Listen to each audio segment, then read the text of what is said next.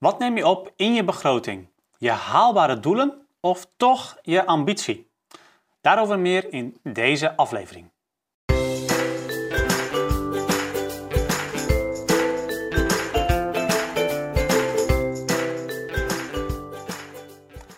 Ja, het is een vraag die bij veel corporaties leeft. Hè. Neem je nou in je meerjarenbegroting je haalbaar geachte doelen op? Of ga je toch je hele ambitie daarin opnemen? Ja, de afgelopen jaren is er veel te doen geweest over de realisatiegraad van corporaties. Met name de toezichthouders, de autoriteit woningcorporaties en het WSW, die hameren er toch op dat die realisatiegraad omhoog moet. En in die realisatiegraad wordt eigenlijk gemeten in hoeverre je daadwerkelijk hebt gerealiseerd, ook in het jaar, dat je dat ook begroot had. dus als jij um, allerlei dingen, allerlei ambities in je begroting opneemt en je behaalt ze vervolgens niet, ja, dan heb je dus natuurlijk eh, te maken met een lage realisatiegraad en dan kun je daar ook vragen van de toezichthouders over verwachten.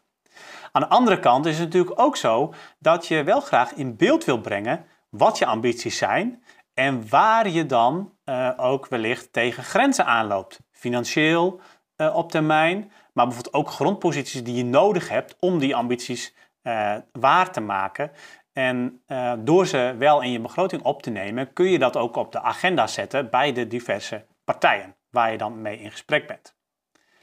Nou, waar ga je dan uiteindelijk voor kiezen? Wat mij betreft, wat, wat mijn suggestie zou zijn, is om in ieder geval in je uh, te publiceren begroting en de begroting die je dan ook vervolgens naar de toezichthouders toestuurt, dat je daarin in ieder geval kiest voor een haalbare begroting waarin je echt je haalbare doelen opneemt.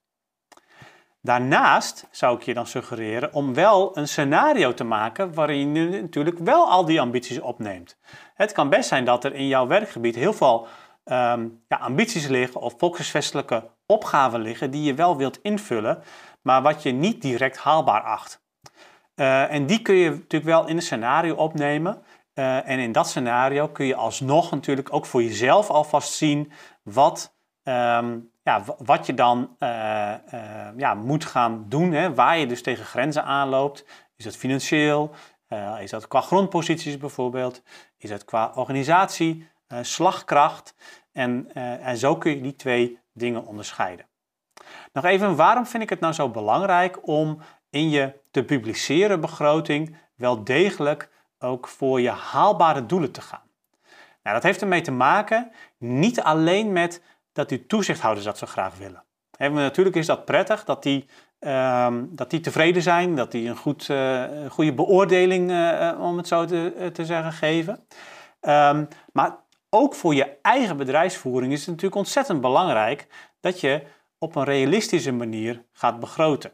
Zodat je niet, eh, om maar een voorbeeld te noemen, allerlei projectleiders in dienst gaat nemen voor ambities die je helemaal niet gaat waarmaken. want dan zitten die mensen ook maar te duimen draaien. Ehm, dat je ook ehm, echt een begroting hebt waarvan je ook zelf zegt van hé, hey, maar daar, uh, ja, daar, daar vind ik het ook realistisch als ik daarop word afgerekend. En zowel naar eh, externe partijen, ook in je lokale netwerk, dat je daar ook de verantwoording goed kunt afleggen. Ehm, natuurlijk ook naar die externe toezichthouders, zoals AWWSW. Maar dat je ook intern, dat je uh, daar goede uh, een uitwerking van kunt maken in de werkplannen en dat, mensen, dat je daar mensen ook op, op kunt afrekenen.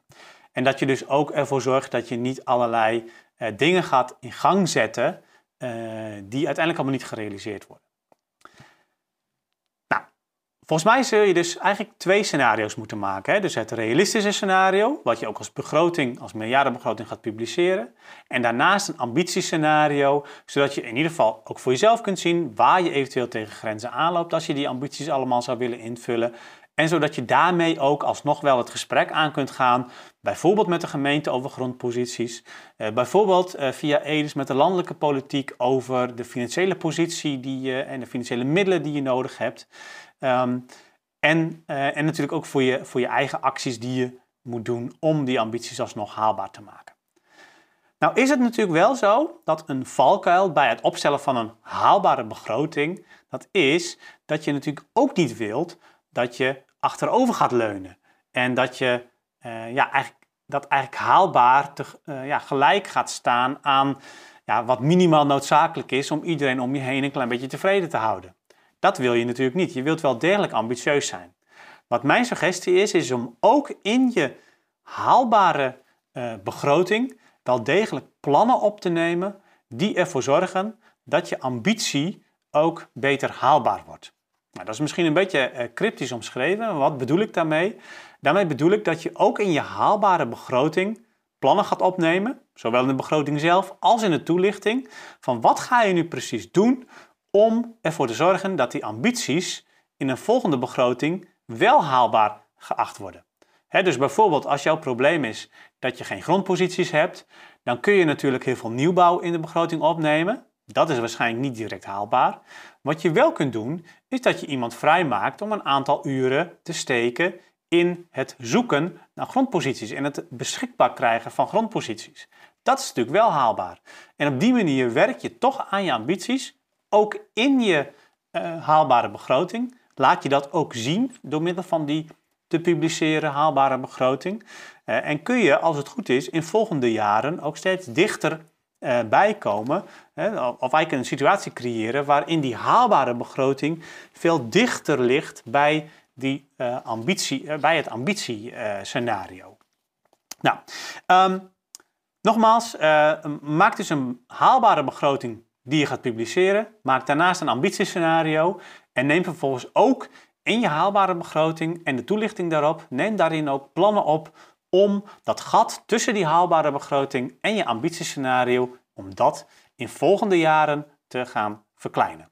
Op die manier kun je zelf goed sturen voldoe je uh, wat sneller aan uh, de realisatiegraden en kun je ook tegelijkertijd het gesprek voeren met gemeenten en met andere partijen over hoe je je ambitie uiteindelijk wel gaat realiseren.